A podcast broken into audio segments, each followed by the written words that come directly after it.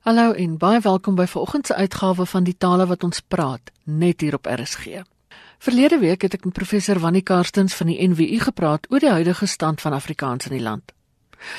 Voor ek die gesprek voortsit, som ek net kortliks op waaroor dit gegaan het. Professor Karstens het vier faktore genoem wat ter sprake is in die groei of kwyn van tale. Die vier faktore is demografiese prosesse, kontak met sprekers van ander tale, die wins of verlies van hoë en lae funksies en die houding van mense teenoor 'n taal. Nou kortliks handel die demografiese prosesse oor die grootte, die samestelling en die verspreiding van 'n taalgemeenskap. Dus sake soos geboortes, sterftes en immigrasie. Die kontak met sprekers van 'n ander taal lei tot taalverskuiwing. Dit beteken 'n mens laat jou eie taal agter en word deel van 'n ander taalgemeenskap. Houding teenoor 'n taal spruit gewoonlik uit die gebeure in die geskiedenis. En so het Afrikaans ook 'n verlede wat nie ontken kan word nie en wat 'n invloed het op mense se houding teenoor die taal. In die vierde plek het professor Karstens gepraat oor die verlies of wins aan hoë en lae funksies van 'n taal. Hy het benadruk dat die verlies aan hoë funksies uiteindelik ook lei tot die verlies van lae funksies. Hy het 'n paar terreine uitgewys waar die druk op Afrikaans groot is, onder andere onderwys, regspleging, die staatsdiens en die ekonomie. In die tweede deel van die gesprek wys hy op nog funksies en hoe Afrikaans tans vaar en ook die gevolge van dit alles. Kyk na taal van koerante. Afrikaanse koerante word reeds sedert die 1870s geskryf. En vandag kyk ons waar Afrikaans is. Afrikaans staan sterk. Daar's baie koerante. Daai koerante is bestaan danksy een baie groot uh, media groep Media 24. As Media 24 sou besluit dat hulle hulle taal van kommunikasie verander na Engels, dan het ons enorme moeilikheid. Maar Afrikaans behou nog sy funksie by koerante. Tydskrifte, hy behou nog sy funksie. Taal van uitgewers, Die mense gee nog baie Afrikaanse boeke uit en ek is baie bly. Maar mense is nie geneig om 'n risiko te neem nie. Taal van die radio? Nou ja. Daar behou hy. En dit is wonderlik, en nou as ek nou ek vry Hartemos toe en ek gaan radio luister en op baie plekke gaan ek Afrikaans kan luister. Ja. So daar is die streek radiostasies. Dis fantasties. So Afrikaans word as 'n radiotaal nog behou. Televisie? Ons het televisie eers in 76 gekry. En as dit nie vir kyk net sê dit 99 was nie, het ons nie baie Afrikaans oorgehou nie. Want op die SA, IK of SABC se kanale is Afrikaans nie so sterk nie. Sy persentasie het afgeneem. Vakbonde, hulle gebruik feitelik oorwegend Engels, afgesien van solidariteit en Afriforum. Taal van die werk, baie mense werk net in Engels. Ek kyk na my kinders se eie werksomgewings. Behalwe my dogter is 'n onderwyseres. Sy doen dit in Afrikaans want sy is in 'n skool waar Afrikaans 'n medium van onderrig is. Maar die bedrywe waar my twee seuns is, dit doen hulle in Engels. Met ander woorde, dis 'n potensiële verlies aan funksie. Taal van kultuur, danksy die ATKV word Afrikaans baie sterk in stand gehou.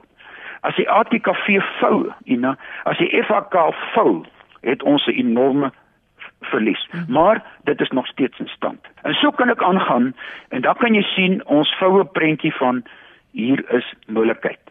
Kyk na musiek, behoud van funksie. Taal van kunste, behoud van funksie. Taal van kunstefeeste, hoe kan ons sê dit? Uitgebrei. Ja. En en taal van sport, wel, as as ons onderdruk. Taal van letterkunde, mense skryf nog baie in Afrikaans. Taal van vertaling, baie boeke word in Afrikaans vertaal en ook uit Afrikaans in ander tale. En Afrikaans in die wetenskap? Jy het nog gepraat oor terminologie. Daar is hy druk. Ek kyk ek, ek het nou vir my een een boek, ek kan dit nou net vir jou se noem norme vir Afrikaans, het ek pas hersien en ek het 'n slag gaan kyk na al die vakwoordeboeke en vakwoordelyste wat daar bestaan. En daar's bitter min nuus. Die jongste beskikbare van daardie bronne is byvoorbeeld in 1970 en 1980. So die mense het opgehou om nuwe terme te skep. Daai goed is ook nie meer so duidelik beskikbaar nie. En dan die laaste aspek, die kwessie van van uh, van, kodifisering. Nou met kodifisering beteken is jy skryf daardie taal in woordeboeke, grammatika, spelling. In Afrikaans het ons 'n tradisie van spelling. Soos jy nou weet, van jare het ons die 11de uitgawe van die Afrikaanse woordelys en spelreëls gehad. Ja die taal is gekodifiseer en nou ons word ons word 'n voorbeeld vir ander tale. Woordeboeke, ons het die HAT, ons het die WAT en daar's 'n paar ander woordeboeke. Ons is dankbaar daarvoor. Maar baie van daai woordeboeke begin al dink kom ons gee dit maar net elektronies uit want die mense koop nie meer die harde kopieë nie. En ek kyk nie na die bedryf waarin ek nou is, grammatika boeke. Hulle word nie meer so baie geskryf nie. En die eerste vraag wat mense vra, gaan ek geld maak? Ek weet nie. Dit is 'n belangrike ding. So, Ina, jy kan sien ek het nou vinnig voor deur 'n lys gehardloop van funksies. En mense wat dan sê die verlies of die dat die dat die behoud van Afrikaans in 'n lae funksie as 'n spreektaal voldoende is vir die behoud van Afrikaans as 'n standaardtaal in die toekoms is verkeerd. Afrikaans as enige taal word ook gebruik vir soveel ander goeders. En as hy een funksie val, dan begin dit 'n domino effek. As hy nie meer in skool nodig is nie, dan is hy nie meer op universiteit nodig nie. As hy universiteit nodig is nie, hoef jy nie wetenskap te doen nie. Dan begin mense sê ag, maar hoef ek nie meer 'n koerant uit te gee nie, ek hoef nie 'n tydskrif uit te gee nie. Ek kan maar die uh, radio laat val, die televisie laat val. Jy kan sien. Jaap Steyn het in sy uh, nuwe boek uh, van 2014 ons gaan 'n taal maak. Het hy ook geskryf oor hierdie aspekte. Ja. En hy sê dit vat 2 tot 4 geslagte. Dan kan hierdie funksies wegwees. Kyk byvoorbeeld mense wat emigreer. Teen die tweede geslag na hulle by ander kan aangekom het, het hulle reeds hierdie funksies verloor. So ina ek het nou effens 'n kommerwekkende prentjie geskep, maar ek dink dit is tog belangrik dat mense moet weet wat is die belangrikheid van die behoud van funksies, maar veral al die funksies. Ja. Nou ek wonder of dit die gewig van die geskiedenis, die taal as onderdruk of Afrikaans as 'n taal van onderdrukkers of die illusie van Engels gee jou internasionale toegang. Ja, absoluut. Of, of dit daai twee goed is wat die wat die groot meelstene is, wil ek sê. Dit is absoluut so, veral die enorme druk van Engels, Engels as die internasionale taal. Uh is so sterk dat mense begin dink ek kan met daardie taal oor die weg kom.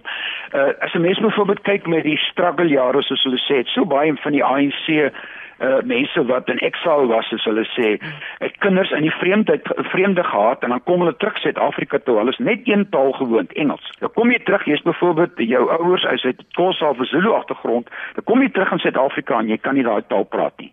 Dan voel jy uitgesluit uit daai gemeenskap. Wat maak jy? Ek gaan terug na die land waar ek is. En dit is wat Engels so groot gevaar is.